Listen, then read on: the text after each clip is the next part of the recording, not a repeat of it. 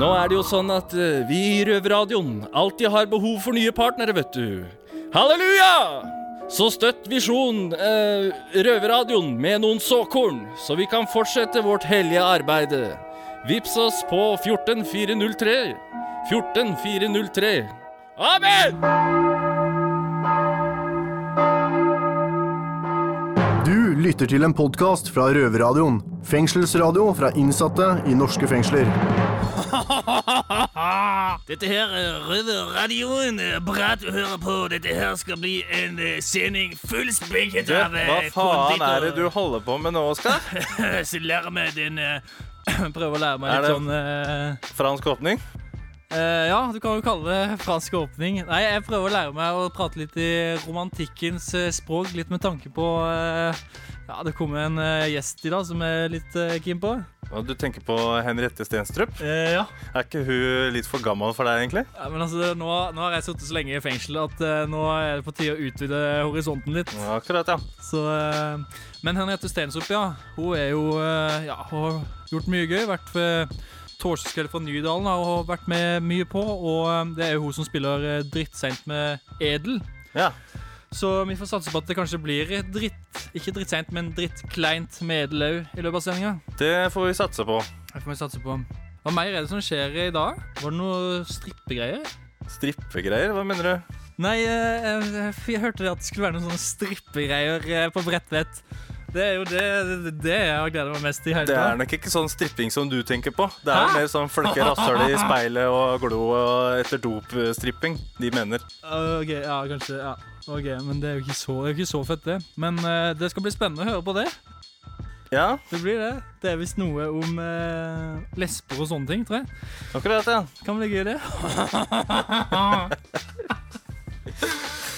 Men eh, skal, vi ikke, skal vi ikke bare gå i gang, egentlig, så vi får, komme, så vi får sett denne strippinga her? Jeg Vi tror det er like greit. Jeg tror det er like greit. Og eh, ja For å tenke litt, da. Hvilken sang eh, Hvilken sang skal vi sette på, egentlig? Ja, der fikk jeg, der fikk jeg en lyspære eh, over huet, ja. Lyspære, Det som får lyspære til å lyse, det er jo motstanden. Eller eh, resistansen, da, som det egentlig heter. Nå tenker jeg vi hører litt på Kaizers eh, Orkestra med Resistansen. Resistansen! La resistance.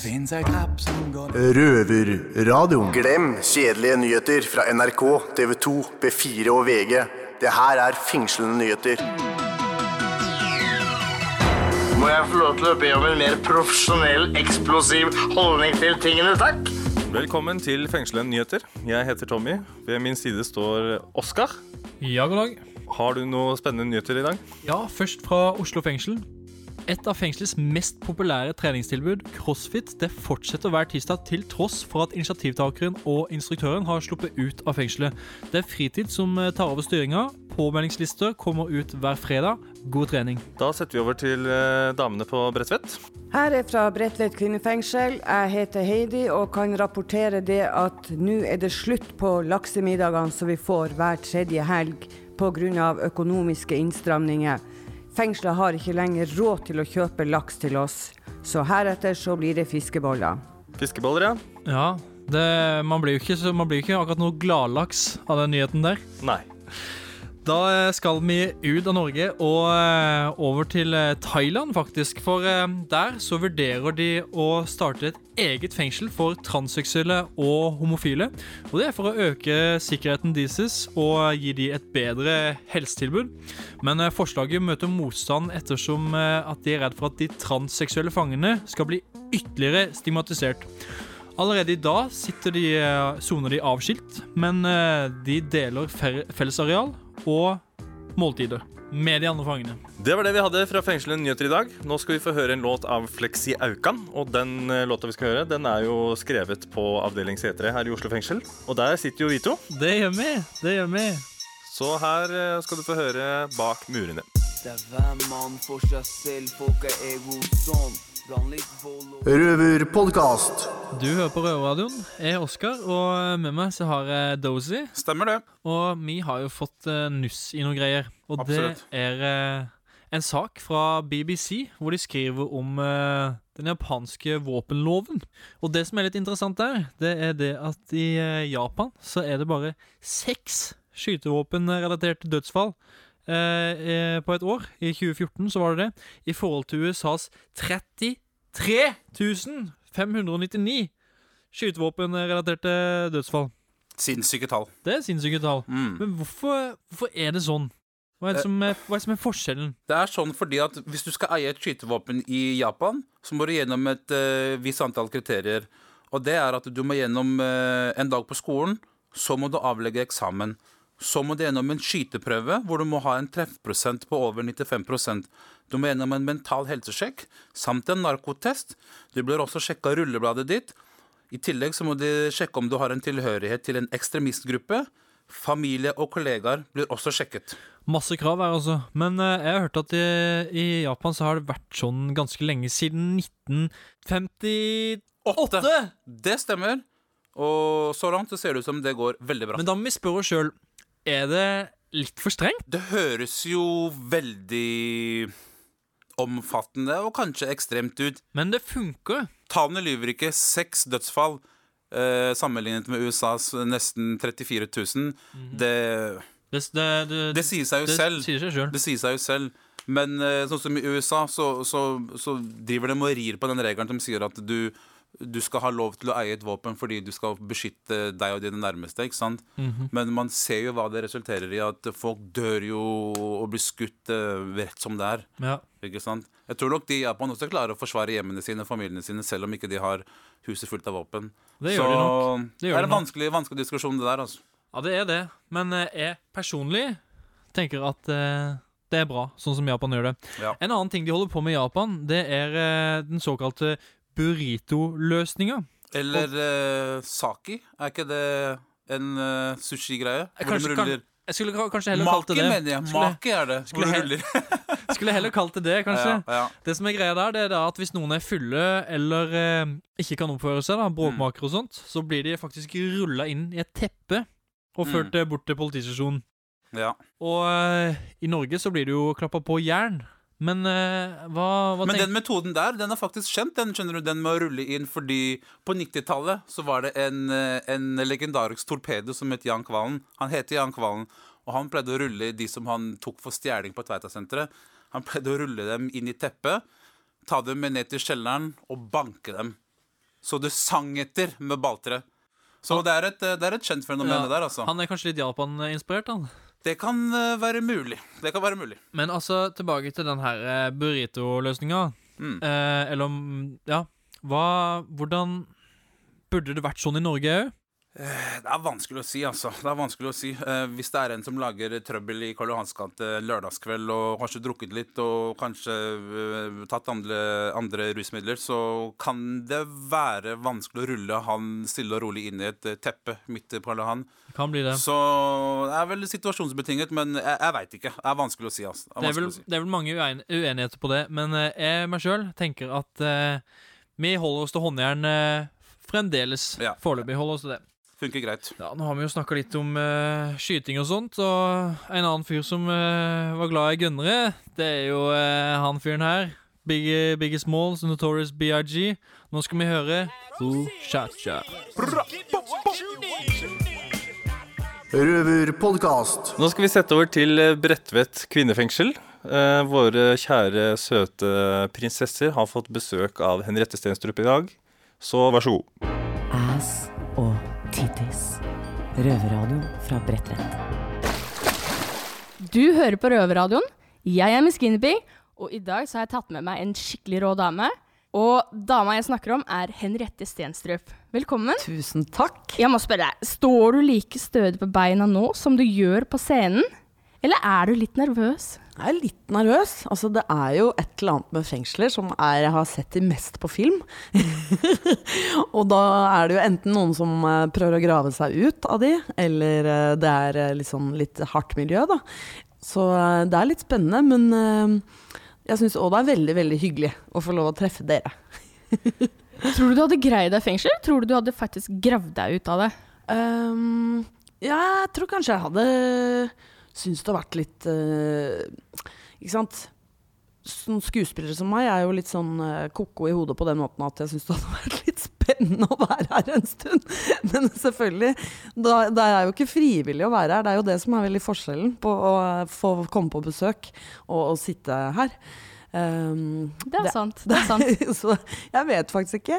Um, ja, det hadde vært interessant. For et sånt Kan man eh, bestille et sånt toukersopphold? Altså, du må jo gjøre noe kriminelt nå, da. Så Ja, det er det. for de to ukene, hva ville du ha gjort for å komme i fengsel? Altså, det måtte vært noe masking eller noe eh, Jeg vet ikke. Noe, noe sånt, da. Det Du, du hadde hatt Savinti til å gå og stjele litt? Litt masking bare for å få de 14 dagene som en sånn spennende opplevelse. Jeg har jo hørt at det tok deg seks forsøk for å komme inn på Teaterhøgskolen. Mhm. Hvordan greide du til slutt å komme inn på Teaterhøgskolen? Nei, altså jeg eh, Jeg trodde jo hele tiden at jeg skulle bli skuespiller. Så jeg, eh, jeg tror det er en sånn blanding av ganske god selvtillit og litt liten selvinnsikt. For mange ville jo gitt seg litt før. Eh, og litt sånn dårlig hukommelse. Altså For det er jo eh, veldig kjipt å ikke få til det man har lyst til. Eh, og det kan man jo bli ble, veldig lei meg hver gang jeg ikke fikk komme inn. Men så har jeg denne evnen som jeg mener får meg gjennom mange av livets situasjoner. At jeg sutter liksom ikke på sorgens drops. Så da er det som litt som gullfisk, begynne på nytt igjen neste år. Og så tror jeg jo litt at eh, det betydde veldig mye for meg å bli skuespiller og komme inn på Teaterhøgskolen. Men det året jeg kom inn, så tenkte jeg at det ikke betydde så mye. Jeg tenkte vet du hva, jeg klarer meg uansett. Og da kanskje jeg slappet av litt mer når jeg var på de opptaksprøvene og sånn. Um, og var litt mer sånn meg selv, eller litt avslappa. Kanskje. Og så er det selvfølgelig litt sånn der vilje til å ikke gi opp som ligger i bunnen der, da. Det er det jo. Det derre kampinstinktet 'jeg skal få det til'. Ja, litt konkurranseinstinkt. Ganske mye. Altså, jeg må jo først og fremst si at du er jo for så vidt den perfekte innsatte. Ja, du tenker det? Fordi Tusen takk. Da tenker jeg mer på dette med motstand, da. Ja. Fordi eh, når du sitter i fengsel, så får du veldig ofte motstand, ikke sant? Med avslag på søknader. Ja, ja og så videre og så videre, da. Og det er jo jenter som skal ut en dag her. Mm. Har du noen råd? Bortsett fra det å skaffe deg egen selvtillit og ikke ha så mye selvinnsikt. Ja. Har du noe råd, da? For å rett og slett motivere dem da, til å stå på, sånn som du gjorde? Um, ja, altså det er jo selvfølgelig eh, liksom en bakgrunn som ikke er så lett å sette seg inn i for meg. eh, hvor man sikkert har masse bagasje og ting som på en måte gjør at det kan Og hvis man har sittet inne lenge, så er det sikkert litt skummelt å komme ut òg. Jeg må innrømme at det er litt, det er litt nervøs eh, altså det er, Man blir litt nervøs når man skal på butikken første gangen. Og sånn, Ja, man blir det. Ja, ikke sant? Du blir dritnervøs. Men det som jeg tror i hvert fall man kan huske på, som er, eh, gjelder for alle, det er at eh, man er jo mest opptatt av seg selv selv. Det er jo sånn at jeg tror Hvis man skal ha litt trua på menneskene, da, så er det jo ingen som kan se på deg at du har fått seks avslag på Teaterhøgskolen, eller at du har sittet inne i fengsel. Eh, sånn at man skal kanskje stole på at eh, eh, man blir møtt eh, med et åpent sinn. At ikke det nødvendigvis er sånn at nå lukter det eh, at jeg har kommet ut av fengsel Mm. av fjeset mitt. Men nå har jeg en mulighet, og jeg skal ut, og jeg skal liksom gjøre mitt beste og håpe at det blir mottatt på bra måte. Det tror jeg kanskje er fint å tenke på. At Mm. Man, det er mulig å begynne på nytt, på en måte. Det tror jeg på. I alle livets uh, Ja, er situasjoner. For du er, du er jo din egen verste fiende selv.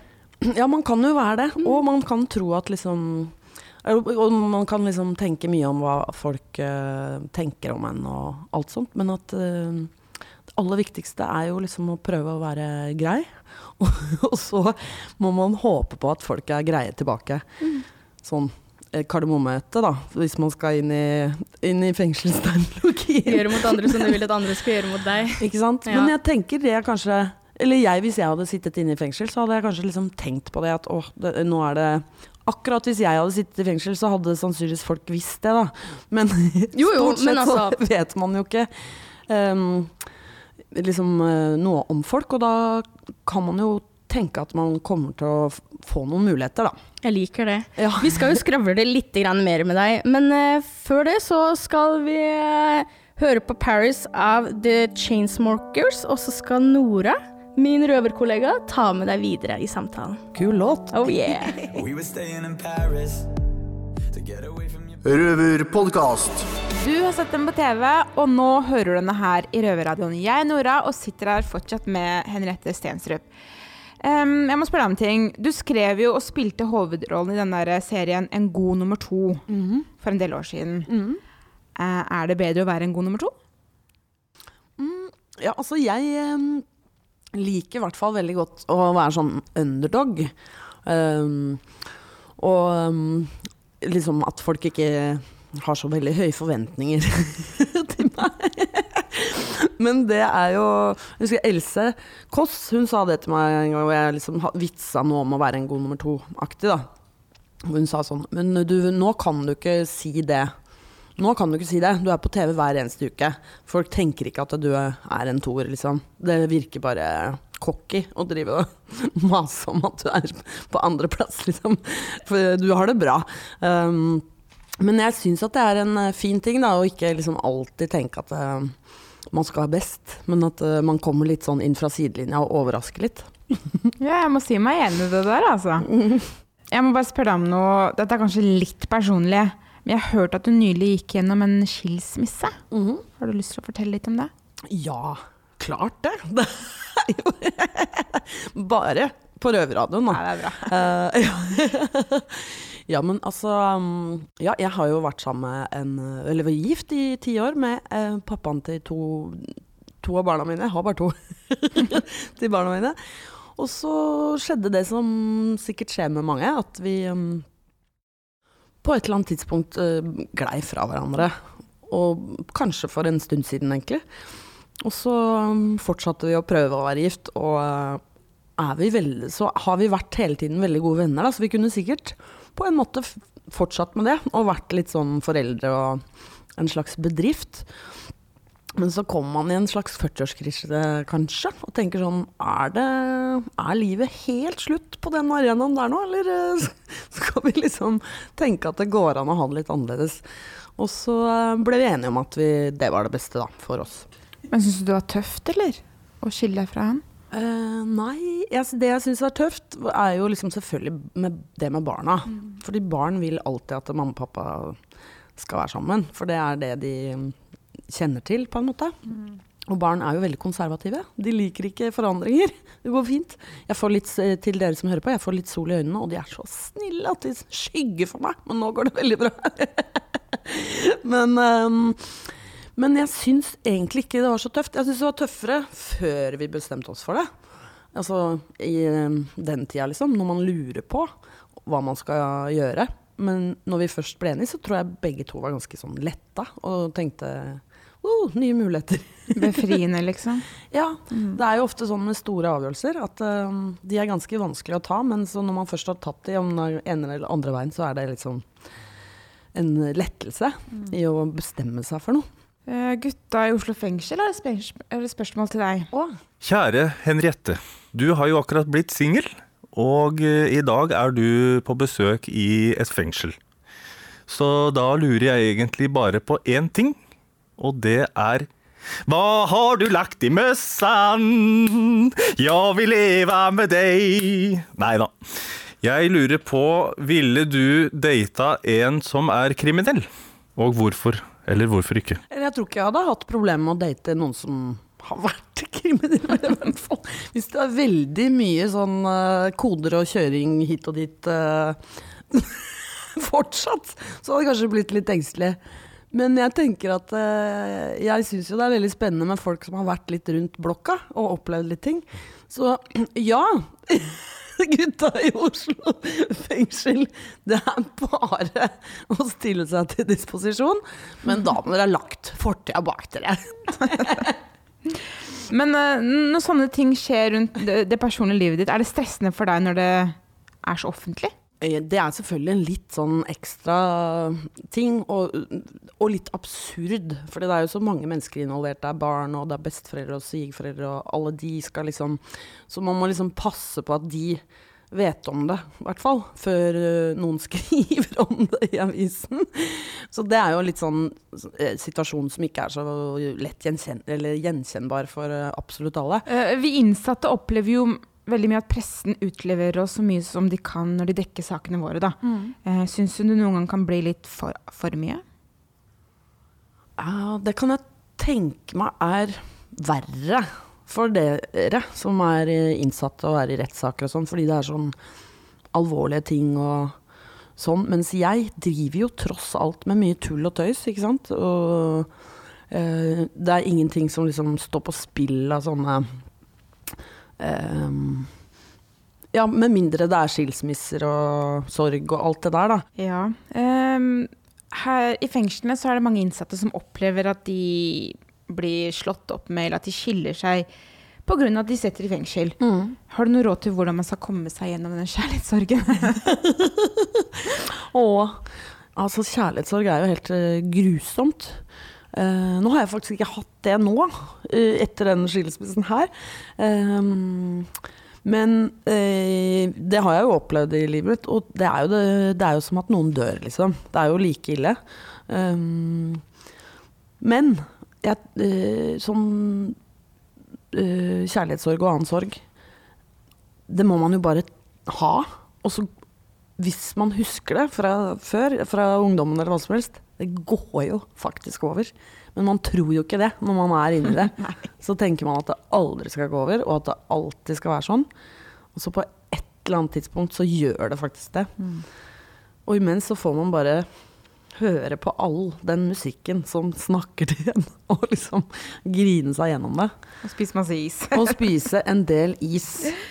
Henriette, vi skal holde deg litt til. Mm. og det skal vi gjøre ved å bruke Grandmas Hands med gode gamle Bill Withers. Kult.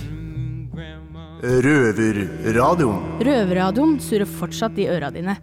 Henriette har tatt seg en luftetur, men vi har venninna Edel Hammersmark Jervan med oss. Kjent fra Dritseint med Edel på TV 2. Velkommen. Tusen takk, jenta mi. Det er veldig hyggelig å være her. Det er jo ikke lenge siden jeg satt inne sjøl, vet du. Har du sittet inne i fengsel? Jeg satt eh, ti år på sikring med, på en sånn trakasseringsdom, fordi jeg hadde da brutt en sånn slags, hva heter det, restraining order. Fikk ikke lov å nærme meg da ja, ingen av politikerne i Arbeiderpartiet faktisk, men da spesielt Jonas. Nærmere enn 500 meter, og det klarte jeg rett og slett ikke, så da var det ti år på sikring. Så men det var mest på isolasjon, da, så det var derfor vi ikke møtte hverandre. Ja, men eh, da er vel neste stedet psykolog for å prøve å gjøre noe med dette problemet, Edel? Altså, jeg har ikke noe trua på psykologien. Ja. Jeg tenker at det er bare å ture på, og så håpe at det går greit. Og det har funka for meg, og jeg regner med at det da kommer til å funke for alle andre. Du har jo tatt med deg boka di. Ja, boka er den siste i Det er den vanskelige fjerde boka, som da heter 'Kalenderpiken full pakke hele året'. Og det er da erotiske noveller som er ment å, å inspirere folk. Og blir du ikke småheit i glufsa av det her, så har du ikke i deg, rett og slett, tenker jeg da. Det er basert på fakta, ting jeg har opplevd sjøl. Rett og slett. Ok, um, Har du lyst til å gi oss et lite utdrag? Skal gi deg et utdrag, jeg. Altså, jeg har jo hatt meg med mye vanlige folk. En av historiene handler om eh, en rørlegger jeg hadde på besøk. 'Smuss i røret' heter den. Men jeg tenkte jeg skulle lese da fra noen som folk kjenner til. Nemlig Dag Otto Lauritzen og Christian Ødegaard og Katrine Moholt, hun som har Allsang på grensemøtet. Jeg var jo på tur med dem, jeg. Eller Dag Pervo, da, som jeg kaller den. Og det var jo altså et haraball uten sidestykke, så jeg kan lese et lite utdrag fra åssen vi hadde det der. Oppe på rommet til Dag Pervor var Katrine lenka til senga med håndjern. Hun hadde tredd seg nedpå Dag, mens Christian hadde tatt plass i bakluka hennes. Mens gutta boys lagde Oreo-cookie ut av Moholten, så lå jeg og dytta en bagett inn og ut av slufsa i racerfart. Moholt skreik og bar seg, og ikke uten grunn skulle det vise seg, for gutta pumpa med så voldsom kraft at Moholt revna fra stjerna og helt rundt. Og i det momentet så sklei kjeppen til Dag Pervo i stedet oppi ræva til Christian Ødegaard. Og det var samme pokkeren for Dag Pervo hvilket høl han jobba i, så han bare peisa på videre. Og det hadde ikke Christian Ødegaard noe imot. Ja, det går sånn går det, da. Går i et bankende kjør her. Um, Jeg forstår jo at du er, eh, du er eh, veldig glad i sex. Ja, altså Jeg har ikke noe imot det. Jeg er glad i andre ting òg. Glad i krig og fred og politikk og sånne ting. Men eh, det er jo en del av livet. Det er det. Ja, nei, jeg altså for guds skyld bruk kondom. Ja, det har jeg aldri brukt, men det har gått veldig greit. Jeg har hatt klam bare sju-åtte ganger. Men det lar seg håndtere, det, altså. Eller man kan la det være. Ok, Så det du sier at du er egentlig på god vei til å bli steril? Um, det tror jeg ikke. Altså, det kan jeg aldri tenke meg. Jeg skal lese meg litt opp på klem når jeg kommer hjem, men jeg tror ikke du blir steril av det. Det tror jeg ikke. Edel, jeg må si vær forsiktig. Pass på deg selv. Du er en dame i beste alder. Ja, 54. Det er den beste alderen, jenter. Nyt alderen. Tusen takk. Eh, du, kunne du henta Henriette tilbake? Ja, altså, hun personlig har ikke jeg noe sansen for, men jeg skal sjekke om hun er ferdig på dass. Der kommer hun! Ja, ok. Ja. Takk for at du kom, Edel. Tusen takk. Hei, Henriette. Hei, hei. Hvordan, eh, hvordan går det? Det går fint. Så bra. Skjønte at venninna mi hadde vært innom her, ja. Det ja, er jo- Edel tok seg en liten tur fordi det var hyggelig. Ja, så bra. Vi har jo, nå har jo jeg og Nora spurt deg om veldig mye. Er det noe du har lyst til å spørre oss om? Alt. Jeg er jo kjempe, jeg er jo kjempenysgjerrig. Nei, um, ja, det, hva er det liksom dere savner mest når dere sitter i fengsel? Det å kunne bestemme selv og ikke bli fortalt hva du skal gjøre. Ja. Fordi da kan man jo bestemme Nei, nå skal jeg hjem. Ja. Mm, får man liksom venner i fengsel, eller blir det mer sånn at man på en måte er sånn, sånn som det er på film, at alle er én for alle? Eller at det er bare Det er i hvert fall ikke én for alle, alle for én. Nei. Men eh, venner kan man absolutt finne i fengsel. Selv om man absolutt ikke forventer det. Men eh, sitter ei der som jeg er glad i. Ja. har tatt til meg. Ja, det er hyggelig, da. Vi har funnet hverandre, for å si det sånn.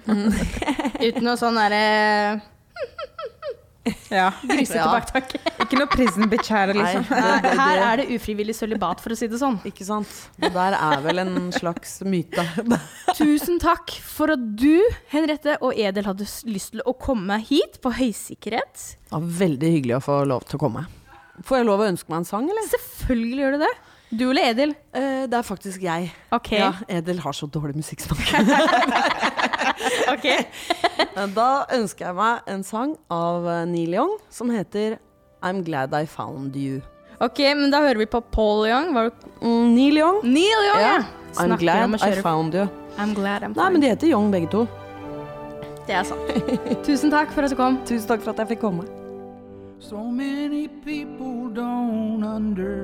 Du lytter til en podkast fra Røverradioen. Fengselsradio fra innsatte i norske fengsler. Hei, Dette er Henriette Stenstrup, som er inne i et fengsel for aller første gang, fordi jeg er med på Røverradioen, som du hører på, og det skal du bare fortsette med, for det er koselige greier. Av med klærne, ned på huk og host, rot gjennom håret, brett frem øra, gap opp munnen og opp med tunga. Armene i været, løfte valkene og opp med føttene.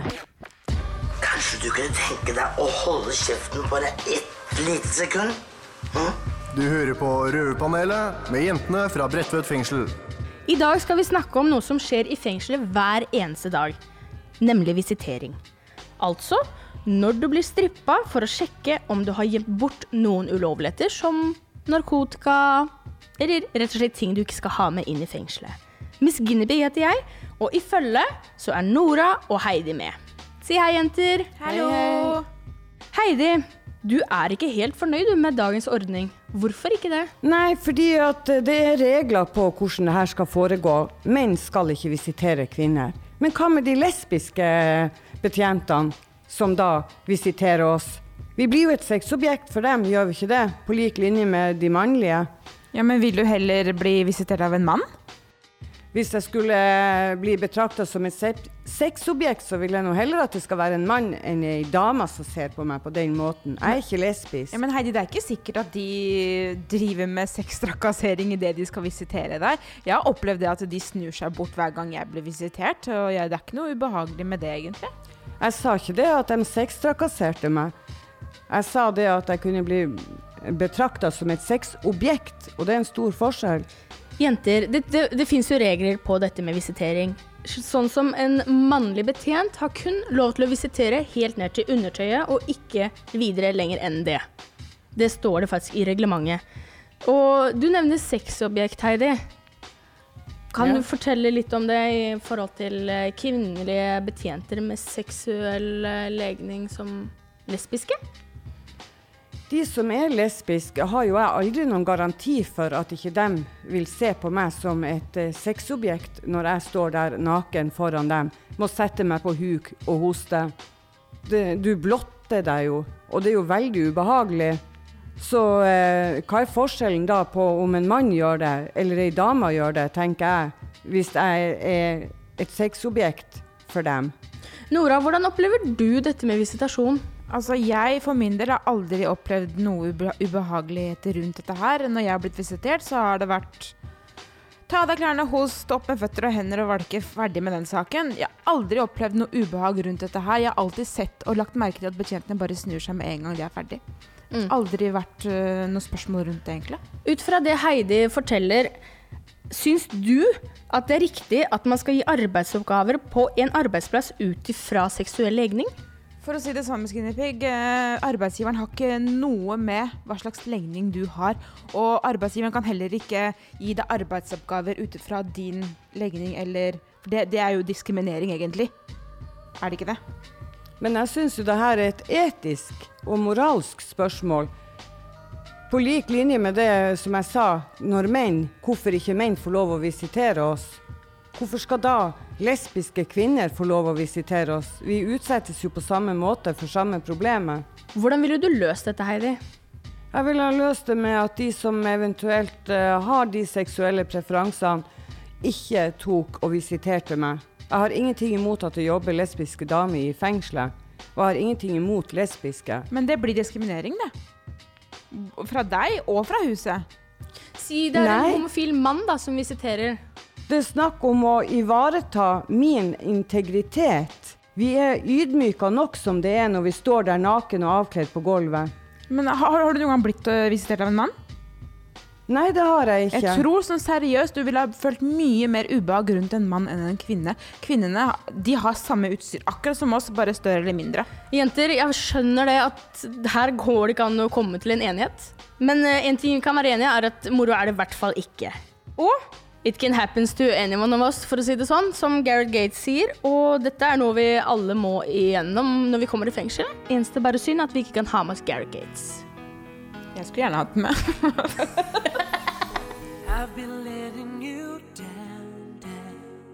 Røverradioen. Hadde dette vært en rettssak, Oskar, så hadde vi vært ved Forsvarets prosedyre nå.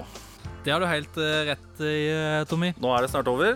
Nå er det snart over, men uh, heldigvis Jeg fikk jo den uh, beskjeden, vet du, at uh, Henriette Stensrup uh, ikke bare er jo singel, men i tillegg så er det aktuelt med en kjeltring. Så etterpå, når jeg kommer inn på cella, så blir det vel å skrive ned en del replikker og noe sånt som jeg må bruke neste gang jeg treffer henne. Det syns jeg absolutt er en god idé. Ja. Ja. Så det, det blir bra. Det blir bra. Ja. Når er det vi er tilbake igjen, egentlig? Du, Vi er tilbake på Radio Nova om eh, akkurat en uke, minus en time, klokka seks. Stemmer. Og, eh, og for de av dere som ikke klarer å vente, og det er mange, så eh, kan dere alltid høre oss på Soundcloud ellers, eller podkasten vår på iTunes. Så sjekk det ut. Helt til slutt så vi, vi, vil vi gjerne få sende en god og varm og lang røverklem til, til vår kjære Dozy, som så brått har blitt revet bort. Han har nemlig fått sitt ønske oppfylt om å flytte til eh, Sandaker overgangsbolig. Så vi vil bare gi deg den beskjeden, Dozy, at du er dypt savnet. Dypt. Og vi i Røverradioen vil gjerne dedikere en sang og ønske deg alle gode ting i fremtiden. Sangen heter Sense of Madonna. Og eh, ja, Dosi, vi kommer til å savne deg. Og eh, siden det ikke ble en helt fransk åpning, så tenker jeg å prøve på en eh, fransk avslutning. Bon voyage! Det betyr god tur, det. Uh, det, vi bare avslutter, vi. Det får være greit.